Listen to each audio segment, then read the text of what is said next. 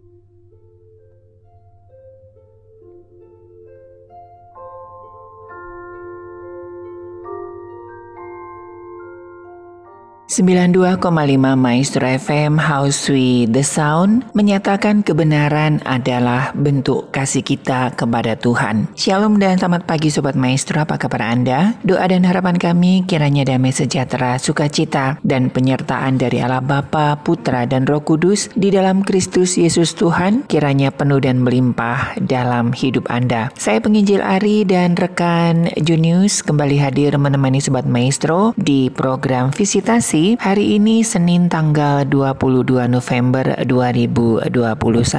Bagi Sobat Maestro yang rindu didoakan, silakan Anda bisa mengirimkan pokok-pokok doa Anda melalui SMS ataupun WhatsApp di 081321000925.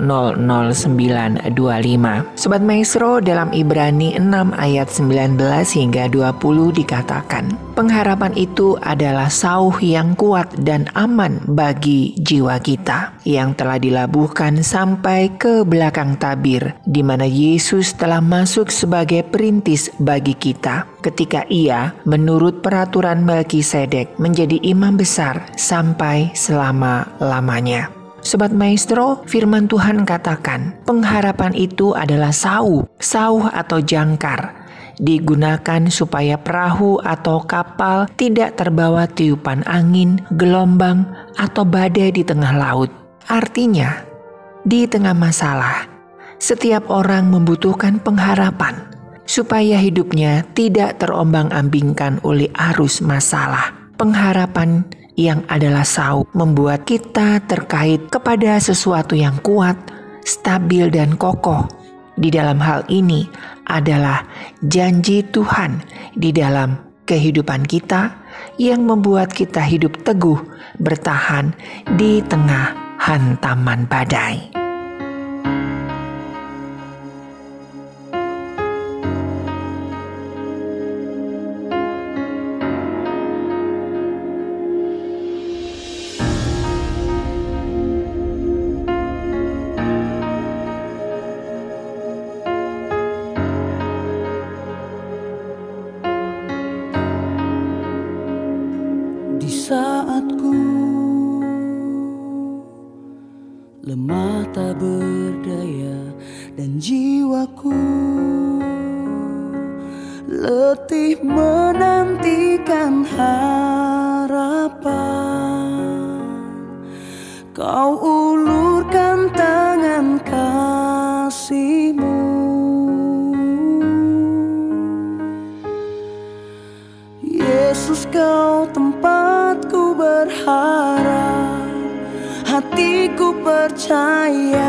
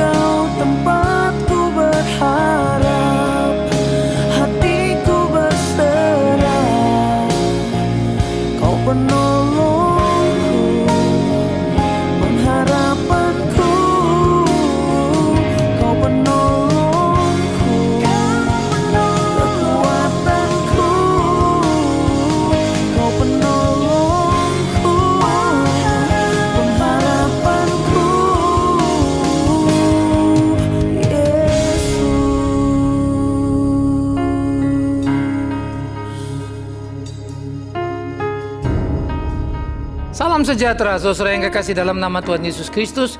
Bergaul dengan kebenaran firman Tuhan, belajar menemukan kesejatian, dan hidup menjadi kemuliaan bagi nama Tuhan. Sebelum kita lanjut memikirkan kekuatan pengharapan, mari kita berdoa.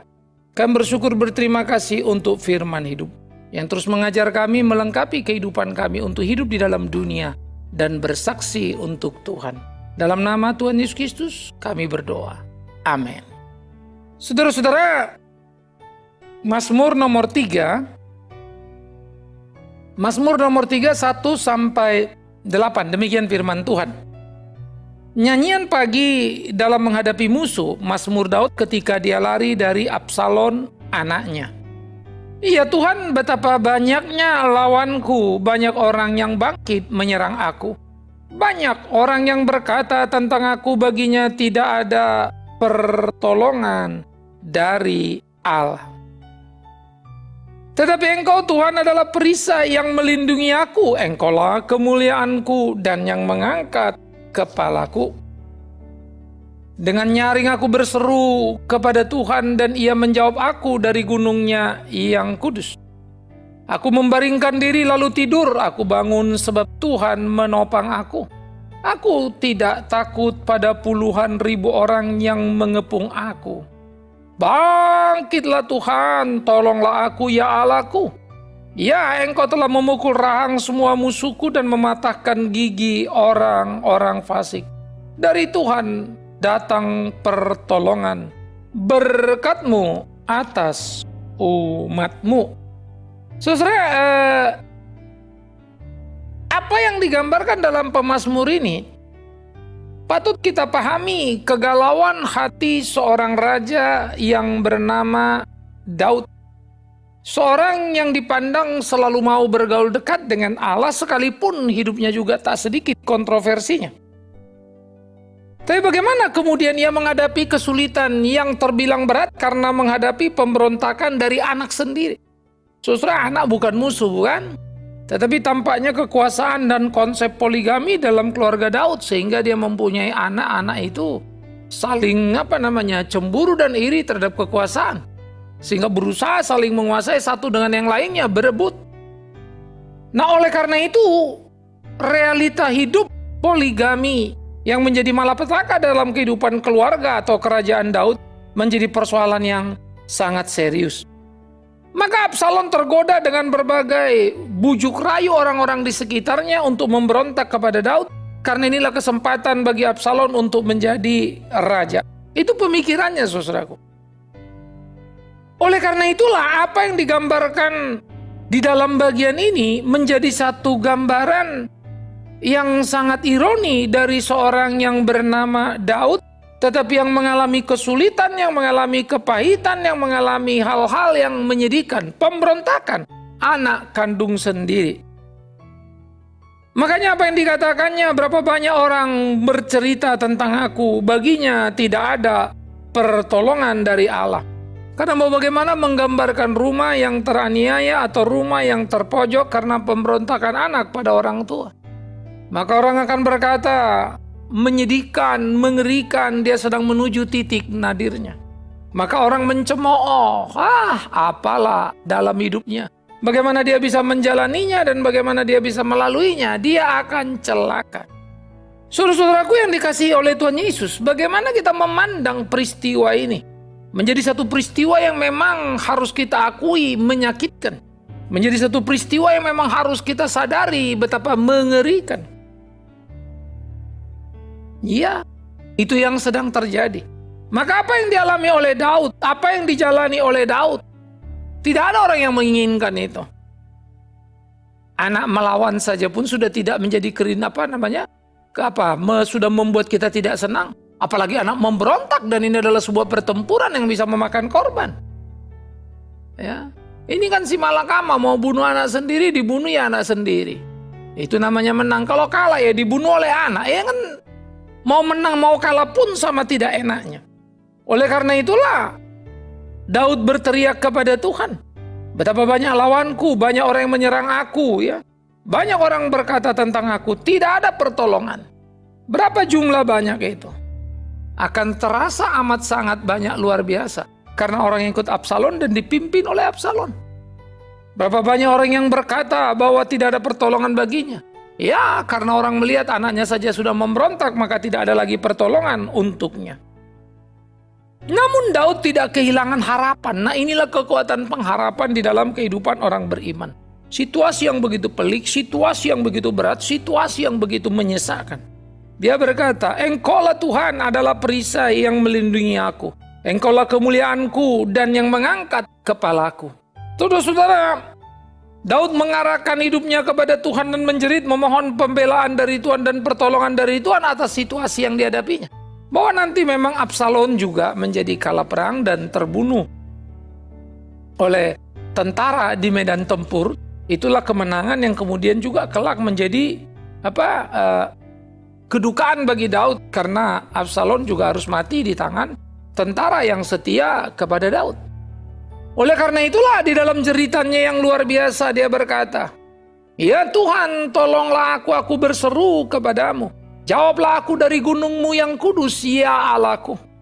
Kedekatan di dalam pengharapan di dalam perjanjian lama selalu memang menjadi apa uh, uh, lebih apa namanya kita berkata itu uh, penuh dengan berbagai hal-hal yang masih memahami Allah itu menjadi pergumulan atau misteri yang besar. Agak berbeda nanti di dalam perjanjian baru, khususnya ketika menyapa Allah dengan Bapa, kedekatan yang lebih personal begitu ya. Eh, memang perspektifnya agak sedikit berbeda. Sehingga kalau kita melihat bagaimana dia berteriak dengan nyaring, aku berseru kepada Tuhan. Dan dia menjawab, aku dari gunungnya yang kudus. Emang gunung Tuhan yang kudus itu di mana? Ya, Nah itu adalah merupakan ungkapan-ungkapan terhadap gunung itu adalah satu tempat tinggi ya di mana selalu orang meyakini tempat tinggi itu Allah bertata.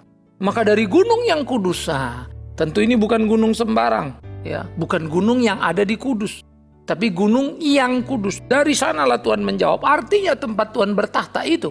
Tapi saudara jangan cari-cari gunung yang mana itu. Pergi Israel pun saudara nggak akan ketemu gunung yang mana yang dimaksud. Tetapi itu adalah simbolik kepada Allah yang bertata di surga mulia, gunung yang kudus, supaya dia mau menyedengkan telinganya, mendengar jeritan daripada Daud. Itu harapan Daud. Jadi saudara-saudara yang kekasih, Tuhan yang adalah perisainya, Tuhan yang diyakininya melindungi dirinya, perisainya untuk menahan serangan dari Absalom dan tentaranya, yang melindungi dia. Tuhanlah kemuliaan yang mengangkat kepalanya. Karena orang menghinanya, maka Tuhan yang akan bisa mengangkat kepalanya. Tentu diangkat bukan supaya dongak begitu saja, tapi rasa hormat terhadap dia tidak menjadi hilang. Keterhinaan tidak mampir pada dirinya, itu maksudnya. Nah, jadi saudara-saudara, bagaimana Daud membangun sebuah pengharapan terhadap apa yang kita tadi sebut peta yang tidak menyenangkan, pemberontakan oleh anak sendiri. Oleh karena itulah dia menjerit dan meminta kepada Tuhan untuk membelanya. Sejauh mana ya dalam hidup kita kita melakukan hal yang sama ketika menghadapi berbagai problema dalam kehidupan ini. Seringkali kita kita memikirkan cara kita, jalan kita, dan akhirnya kita mengabaikan pertolongan Tuhan. Padahal semesti dan seharusnya kita memikirkan pertolongan Tuhan, berjalan di jalan Tuhan, supaya apa yang kita lakukan adalah kehendaknya, sesuai dengan ketetapan-ketetapannya.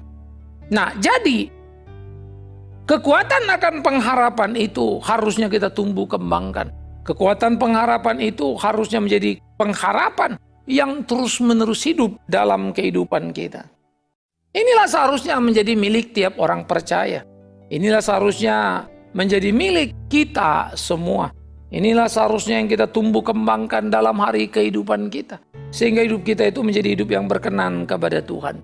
Tanpa pengharapan, kita akan keropos. Tanpa pengharapan kita akan jatuh. Saudara kalau melihat musuh datang, saudara tidak punya pengharapan. Maka yang datang itu menimpa kita kan itu kesimpulannya bukan? Kalau kita ditimpa batu, tidak ada harapan. Ya, pengharapan kita nggak ada bahwa akan ada orang lewat dan menolong. Ya artinya kita mati oleh batu itu. Tiada pengharapan membuat kita downgrade di dalam mentalitas kita, daya tahan kita semua terubuh. Lalu justru mempercepat tekanan itu menghabisi kita. Tapi dengan pengharapan kita dikuatkan dan dengan pengharapan kita berjuang dengan pengharapan kita bertahan memohon pertolongan. Nah, Kalau pengharapan kita, kita taruh pada dunia ini, bisa iya, bisa tidak. Tapi ketika pengharapan kita taruh ke dalam tangan Tuhan, itulah yang harusnya menjadi kerinduan kita. Bagaimana dia berteriak? Ya, bagaimana dia memohon kepada Tuhan? Ya. Supaya betul-betul ia mempunyai kekuatan yang hebat. Orang Israel selalu memandang ke Bukit Sion menjadi kiblat mereka istilahnya ya. Bukit Sion di mana bait Allah itu berdiri. Nah, di tempat bait Allah mereka menganggap Allah bertahta di sana. Itu simbolik tadi. Sehingga gunung Allah, Bukit Sion, ya Tuhan yang bertahta, nah, itu ungkapan-ungkapannya. Nah, tetapi yang menjadi menarik adalah ketika pengharapan di dalam Tuhan ini ditumbuh kembangkan oleh Daud membuat dia mengingat betapa dulu dia ini kan cuma gembala biasa saja bukan? Pasti dia teringat dengan hari-hari hidupnya, betapa dia gembala yang jadi raja. Bagaimana ceritanya? Terlalu sulit untuk menceritakan ulang memang gampang, tapi tidak apa terlalu sulit untuk memahami kok bisa, kan itu persoalannya. Ingat ya menceritakan ulang itu gampang. Oh dulu gini, lalu perang lawan Goliat menang, ya selesai. Menceritakan itu sederhana. Tapi bagaimana sampai itu terjadi? Itu yang tidak sederhana. Nah itu menjadi pergumulan tersendiri bagi seorang yang bernama Daud. Nah saudara-saudaraku yang dikasih oleh Tuhan Yesus Kristus. Inilah yang seharusnya kita pikirkan dalam perjalanan kehidupan kita. Betapa tidak sederhananya hidup itu. Betapa pergumulan-pergumulan yang kita jalani adalah kesulitan-kesulitan tersendiri. Yang harus kita lakoni dalam hidup kita dan bagaimana kita memenangkannya. Nah ini yang mestinya kita pikirkan. Oleh karena itulah pengharapan Daud belajar dari pengalaman Daud. Pengalaman itu membuat pengharapan makin kuat. Karena mengalami sendiri bagaimana Tuhan menolongnya dari berbagai kesulitan. Bagaimana Tuhan mengangkatnya dari tempat hina untuk bisa mengambil posisi di istana. Orang yang biasa-biasa saja kini jadi orang yang luar biasa. Bahkan prestasinya melampaui Raja Saul yang membunuh beribu-ribu musuh dikatakannya tapi Daud berlaksa-laksa. Waduh, luar biasa. Betapa amat sangat hebatnya pujaan terhadap Daud. Karena Daud mulai melejit dalam kesederhanaan fisik yang sederhana itu tadi. Melawan Goliat dengan tubuh yang besar. Secara tubuh saja tidak mungkin dikalahkan. Belum lagi dengan baju perang yang lengkap. Tapi cukup satu batu pengali-ali sudah membuat Goliat mati. Siapa yang tidak merasakan itu? Lalu dalam perjalanan hidup berikutnya pun dia melihat bagaimana Tuhan menolongnya. Bagaimana Tuhan melepaskan dia dari cengkraman ancaman maut Saul. Bagaimana Tuhan melindunginya. Pengalaman demi pengalaman yang sudah dijalaninya. Bagaimana dia mengalahkan Filistin dalam perjalanan hidupnya dan bagaimana Tuhan memampukannya untuk meneduh tenangkan kerajaannya. Kerajaan yang jaya Israel. Nah oleh karena itulah saudara-saudara, Pengalaman demi pengalaman membuat dia berseru kepada Tuhan. Bahwa ada kesalahan mengakibatkan pemberontakan dalam hidup keluarganya. Absalom apa pun alasannya tidak punya hak untuk memberontak terhadap ayahnya. Alkitab berkata hormatilah orang tuamu. Maka Absalom telah melanggar ketetapan Allah apa pun alasannya. Ia boleh tidak suka dengan ayahnya tapi tidak memberontak kepadanya. Ia boleh tidak suka kepada ayahnya tentang kerajaan tapi dia tidak bisa merebutnya. Ia boleh tidak suka kepada ayahnya tentang banyak hal, tetapi ia tidak bisa berperang dengannya. Sebagai anak seharusnya Absalom menghormati ayahnya. Bahwa Daud sebagai ayah sudah salah dan harus menanggung aib yang tidak mengenakan.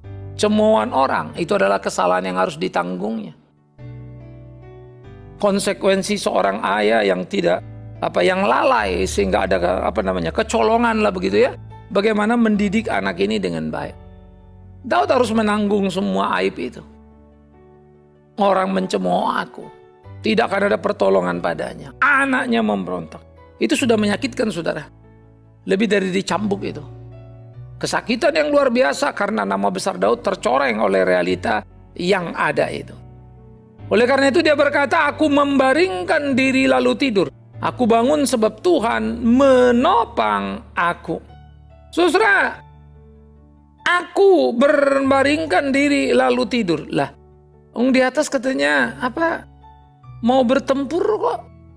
Dia ketakutan lu kok tiba-tiba tidur di sini. Ya, tidur apa? Berbaringkan diri lalu tidur. Inilah gambaran kekuatan pengharapan artinya bahwa ada persoalan itu, tetapi ketenangan itu pun lebih dari cukup untuk menghadapi persoalan itu. Ketenangan itu cukup untuk membuat dia tenang dan bagaimana dia percaya Tuhan akan menjaganya sehingga ia bisa tidur. Itu itu maksudnya.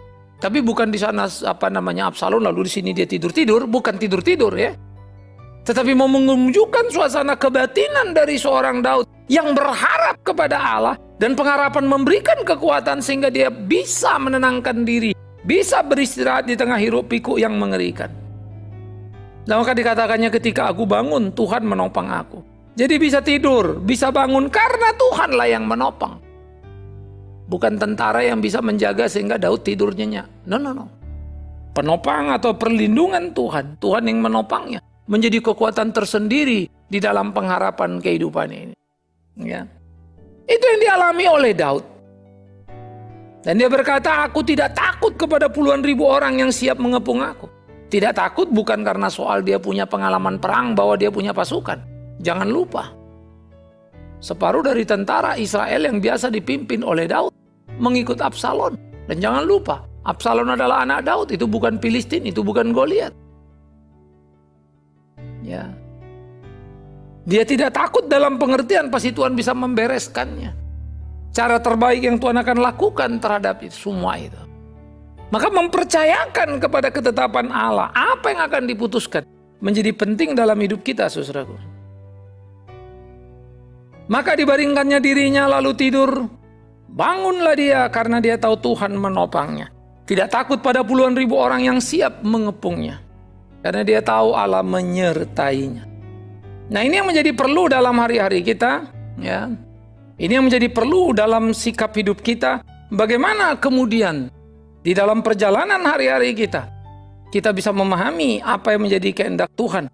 Kita bisa menikmati perlindungan Tuhan. Sehingga kita bisa sungguh-sungguh hidup di dalamnya. Bangkitlah Tuhan, tolonglah aku ya Allahku. Ya, engkau telah memukul rahang dan semua musuhku dan mematahkan gigi orang-orang fasik. Saudara-saudara, Daud memandang dan memahami betul pertolongan Tuhan. Dan Tuhan akan menghabisi musuh-musuhnya. Dan dia akan mematahkan dikatakan gigi orang-orang fasik. Sehingga dia menjadi ungkapan yang sangat luar biasa. Kalau gigi dipatahkan, dirontokkan artinya kekalahan atau kekuatan lumpuh begitu. Ya. Nah oleh karena itu pengharapan Daud yang sangat solid terhadap pertolongan Allah di tengah situasi yang sangat berat. Harus menjadi perspektif iman percaya orang Kristen. Lagi-lagi saya akan sering kali mengatakan, hidup tidak seenak, segampang yang sering kali dikotbahkan oleh banyak orang misalnya. Hidup adalah sebuah pergumulan yang harus kita lewati. Kesulitan, kepahitan, kegetiran, entah karena memang salah kita ataupun bukan, akan mewarnai hari-hari kita. Bisa saja kita sudah baik orang yang jahat pada kita. Tapi bisa saja orang jahat karena kita jahat. Tapi ada satu yang penting menghadapi situasi itu. Berbalikkah kita kepada Allah dan memohon belas kasihnya. Sekaligus juga kalau kita yang berbuat salah tentu memohon pengampunannya. Dan bertekad tidak mengulang kesalahan yang bodoh bukan? Inilah hidup orang Kristen. Inilah hidup keberimanan. Tapi berapa banyak orang menjual dirinya bermain-main dengan kesalahan dan berpikir ia bisa tenang menjalani hari-harinya. Berapa banyak orang menjalani hari-harinya dalam kesalahan yang menyedihkan sehingga mereka sungguh-sungguh menjadi orang-orang yang bersalah dalam kesehariannya. Nah, ini yang harus kita pikirkan. Nah, jadi apa yang menjadi pergumulan di dalam keimanan orang-orang percaya seharusnya menjadi satu hal yang meneduhkan dan menguatkan di dalam kehidupan kita. Ya.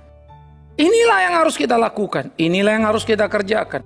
Karena itu berteriaklah Daud kepada Tuhan, pengharapan yang sesungguhnya dalam hidupnya. Sehingga kekuatan pengharapan yang harus kita tumbuh kembangkan seharusnya menjadi kekuatan pengharapan yang berjalan dalam kehidupan anak-anak Tuhan. Ya. Nah jadi saudara-saudara, mari kita memikirkan bagian ini dengan sungguh-sungguh. Mari kita memikirkan bagian ini supaya sungguh-sungguh hidup kita kita jalani dalam apa yang menjadi kehendak Tuhan itu. Renungkanlah, camkanlah. Sehingga hidup kita berkenan kepada Tuhan. Nah saudara-saudara yang dikasih oleh Tuhan Yesus Kristus. Setiap orang, setiap kita mengalami pergumulan demi pergumulan. Tetapi Tuhan akan tolong, Tuhan akan pimpin, Tuhan akan kuatkan kita. Nah, sekarang bagaimana dengan kehidupan sehari-hari kita? Siapa sih yang hidup tanpa persoalan? Kan gak ada. Entah itu persoalan ekonomi, entah itu persoalan keluarga, entah itu persoalan tentang kesehatan, entah itu persoalan tentang relasi atau hubungan. Ada banyak sekali persoalan, entah itu di rumah, entah itu di kantor, di masyarakat, bahkan juga bisa di dalam gereja bukan? Ada banyak sekali persoalan.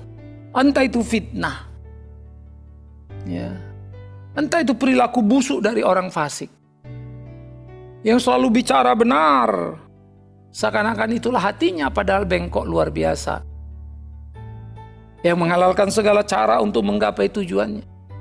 Awas, di berbagai persulitan dan tekanan yang ada, di berbagai pergumulan yang ada, pengharapan mempunyai kekuatan yang luar biasa yang akan menolong kita dalam hari-hari kita. Saudara, kami bikin sekolah di Kalimantan lewat Yayasan Mika. Kita berjalan membangunnya pun penuh dengan kesulitan yang luar biasa dan menjalani pengalaman demi pengalaman sehingga bisa menyelesaikan tiap hari ini, tiap kali saya ada di Kalimantan khususnya pada hari ulang tahun sekolah, tiap kali saya harus menangis karena tidak bisa menduga dan tidak bisa membayangkan bagaimana bisa menjadi seperti itu. Bukan fisiknya yang besar, ya, tetapi adalah kualitas yang dihasilkan. Padahal di sisi lain kami masih terseok-seok banyak yang mesti diperbaiki dalam perjalanan waktu. Tetapi saya selalu percaya Tuhan akan terus tolong sebagaimana dia sudah kerjakan. Ya. Pengharapan kepada Tuhan.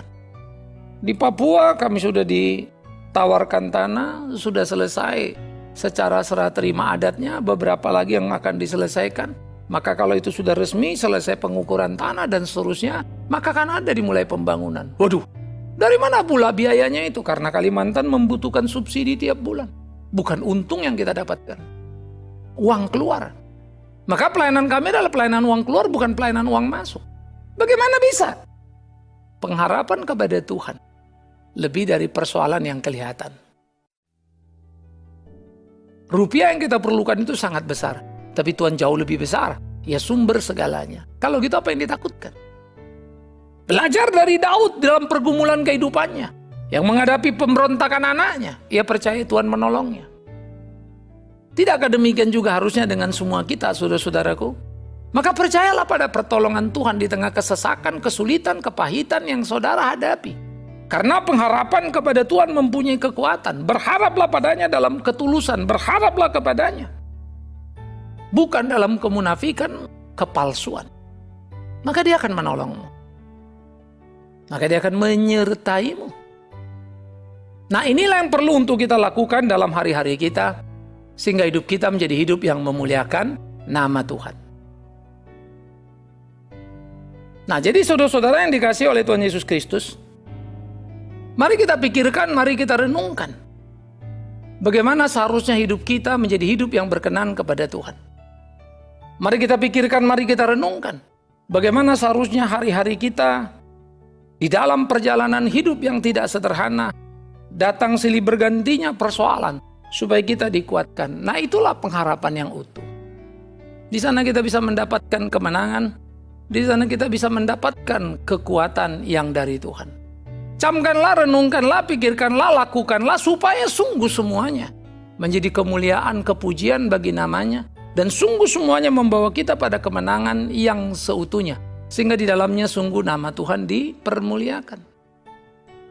Biarlah ini menjadi kegairahan kita sebagai orang percaya Biarlah ini membawa kita di dalam tiap-tiap langkah kita. Supaya hidup kita berkenan kepadanya, menyenangkan hatinya. Jadi saudara-saudaraku yang dikasih oleh Tuhan Yesus Kristus. Pikirkanlah, renungkanlah, jalankanlah. Maka kuatlah di dalam Tuhan. Dalam pengharapan akan dia. Supaya pengalaman demi pengalaman meneguhkan kita, yang membuat kita mampu menghadapi kehidupan ke depan. Tuhan menolong kita, Tuhan membimbing kita. Jangan lupa, temukan kekuatan dalam pengharapan, dalam dan kepada Tuhan. Amin. Kita berdoa. Terima kasih untuk pengharapan yang kau berikan hari-hari di hidup kami.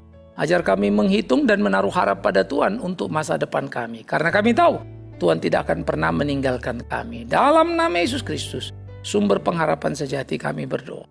Kami memohon. Amin.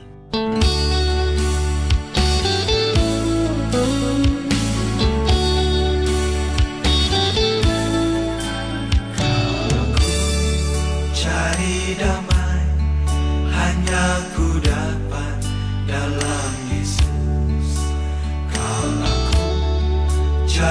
ketenangan. Hanya ku temui di dalam Yesus. Tak satu pun dapat menghiburku. Tak seorang pun dapat menolongku. Hanya Yesus jawaban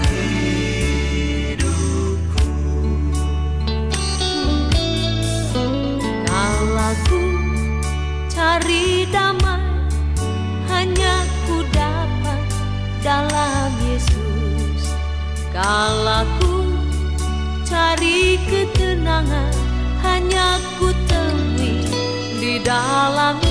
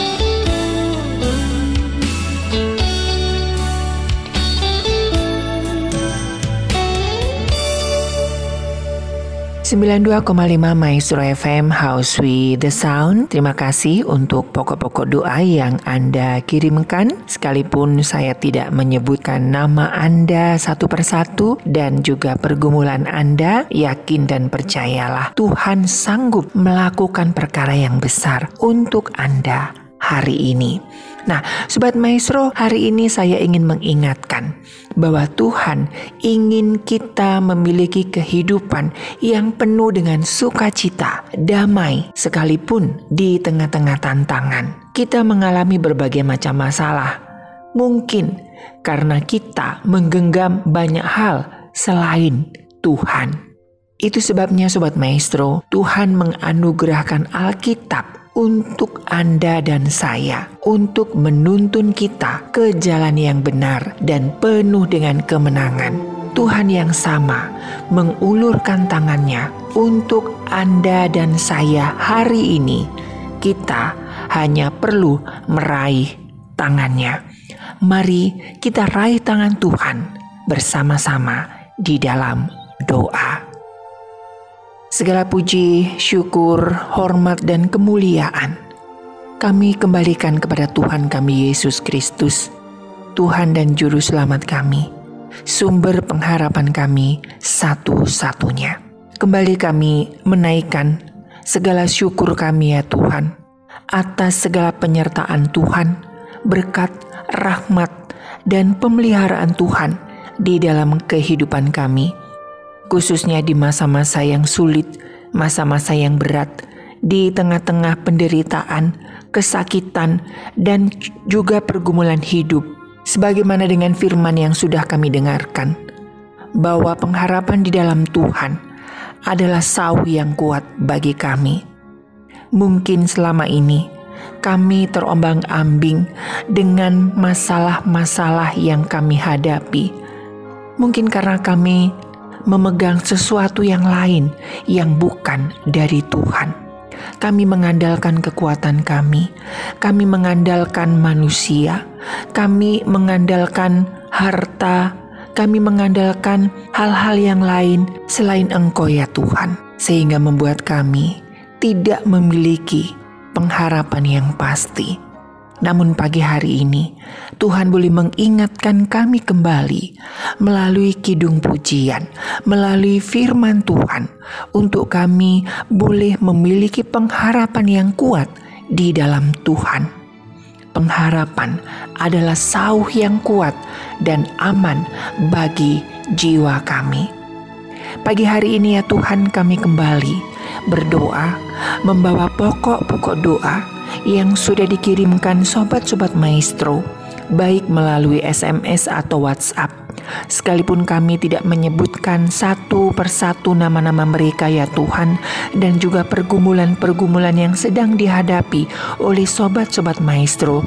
Namun kami percaya Engkau Allah yang maha tahu, Engkau Allah yang maha besar pagi hari ini pun ya Tuhan, Engkau sanggup melakukan perkara-perkara yang besar bagi sobat-sobat maestro di mana pun sobat-sobat maestro berada yang saat ini sedang bersatu hati, sedang bertelut, sedang berseru memanggil namamu ya Tuhan. Kiranya kuasa Tuhan boleh Tuhan nyatakan yang sakit Tuhan boleh sembuhkan, Tuhan boleh jamah, Tuhan boleh pulihkan melalui pengobatan-pengobatan, melalui perawatan, melalui dokter. Kiranya kuasa Tuhan boleh dinyatakan. Secara khusus kami berdoa untuk Bapak Budi ya Tuhan sebagai pimpinan Radio Maestro yang sedang dalam kelemahan tubuhnya. Tuhan, Engkau tahu kesetiaan hambamu ini ya Tuhan. Engkau tahu isi hatinya ya Tuhan. Engkau tahu seluruh hidupnya diberikan hanya kepadamu. Pagi hari ini kami memohon belas kasihan yang daripada Tuhan.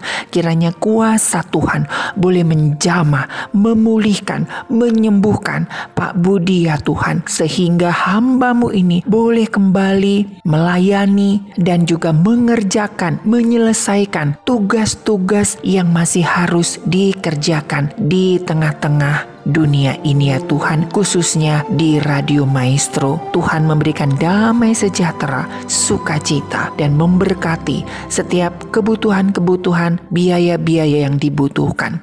Saat terbaring di rumah sakit kiranya engkau hadir memberikan sukacita damai sejahtera dan kepastian di dalam engkau ya Tuhan. Kami juga terus berdoa bagi sobat-sobat maestro yang lainnya yang sedang bergumul dengan kesehatan baik itu dengan katarak, dengan penyakit mata, dengan stroke, dengan depresi, dengan ginjal, dengan cuci darah, dengan autoimun, dengan HIV, dengan kanker, dengan tumor, dengan peradangan, dengan sakit syaraf. Kiranya Tuhan boleh menjamah, Tuhan boleh menyembuhkan. Begitu juga dengan sobat-sobat maestro di masa-masa tuanya ya Tuhan. Ada begitu banyak keluhan-keluhan. Kiranya Tuhan juga boleh menolong para orang tua kami di masa tua mereka. Kiranya Tuhan memberikan kesehatan, sukacita, dan pengharapan yang kuat di dalam Engkau. Kami berdoa untuk sobat-sobat maestro yang masih terus bergumul dengan keuangan mereka, dengan pekerjaan, dengan usaha. Kiranya Tuhan juga boleh menolong jual beli, pembayaran demi pembayaran, baik untuk hutang pihutang, pembayaran kontrakan, pembayaran studi, dan pembayaran-pembayaran yang lainnya. Tuhan boleh bukakan jalan. Kami terus berdoa bagi sobat-sobat maestro yang merindukan akan pasangan hidup, merindukan akan buah hati. Kami percaya ya Tuhan, semua di dalam rancangan Tuhan, semua indah pada waktunya. Kami percaya kami sebagai anak-anakmu, kami mempunyai hak untuk meminta apa pun kepada engkau. Namun kiranya kehendakmu lah yang jadi. Terus kami berdoa bagi kota dan bangsa kami ya Tuhan yang harus terus menghadapi COVID-19. Kiranya keputusan-keputusan yang dilakukan oleh pemerintah kami, kami boleh mendukung sepenuhnya terus memberkati tim medis, aparat kepemerintahan TNI Polri, dari presiden hingga aparat desa kiranya Tuhan juga boleh menolong, memberkati dan menjaga kota dan bangsa kami khususnya daerah-daerah yang saat ini mengalami bencana-bencana alam ya Tuhan. Kiranya Tuhan juga boleh menolong. Tak intinya kami berdoa untuk Radio Maestro ya Tuhan dengan segala pergumulannya. Kiranya Tuhan boleh memakai Radio Maestro sebagai sarana untuk menyampaikan kasih dan kebenaran bagi setiap jiwa di mana pun Radio Maestro ini bisa didengarkan baik di kota Bandung ataupun di seluruh daerah. Kiranya kuasa Tuhan boleh Tuhan nyatakan melalui puji-pujian firman Tuhan setiap acara-acara yang kami siarkan Tuhan boleh mengurapi memberkati dan mengurapi tim manajemen memberkati dan mengurapi rekan-rekan kru yang masih terus bertugas kiranya Tuhan memberikan ide-ide yang daripada Allah untuk kami boleh terus menyuarakan kasih dan kebenaran sebagai sarana kepanjangan tangan daripada Tuhan. Terima kasih ya Tuhan. Terus berdoa bagi sobat-sobat maestro yang dengan setia mendukung pelayanan di Radio Maestro, baik melalui periklanan, melalui donasi-donasi, ataupun doa, ataupun dukungan-dukungan yang lainnya. Kiranya Tuhan juga memberkati, mengembalikan berlipat-lipat kali ganda, memberkati setiap usaha pekerjaan keluarga, anak-anaknya. Tuhan memberkati. Terima kasih ya Tuhan. Inilah doa, seruan dan ucapan syukur kami. Hanya kami alaskan di dalam satu nama, sumber pengharapan kami, Tuhan Yesus Kristus. Mari kita angkat tangan di hadapan Bapa di sorga dan terimalah berkat Tuhan. Segala berkat kasih karunia daripada Allah Bapa di sorga. Rahmat cinta kasih yang berlimpah-limpah dari Tuhan Yesus Kristus. Di dalam persekutuan yang manis dengan roh Allah yang kudus. Turun atas kehidupan kami. Menyertai langkah hidup kami. Memberkati kami saat ini sampai selama-lamanya. Amin. Yesus jawaban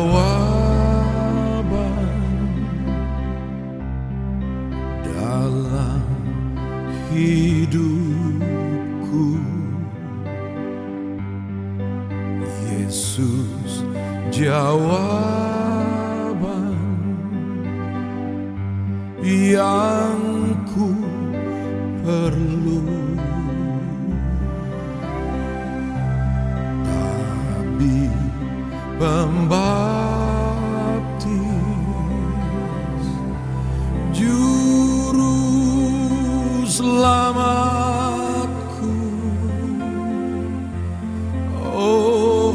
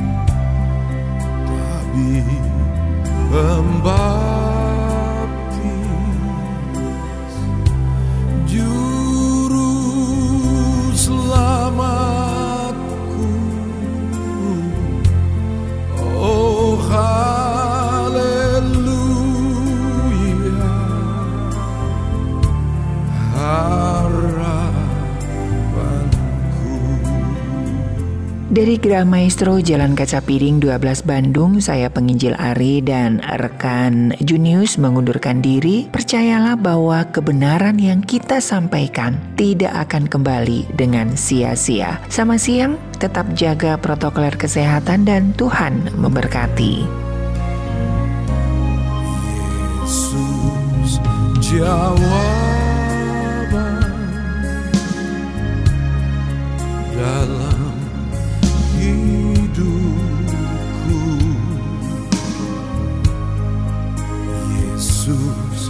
jawaban yang ku perlu. Tapi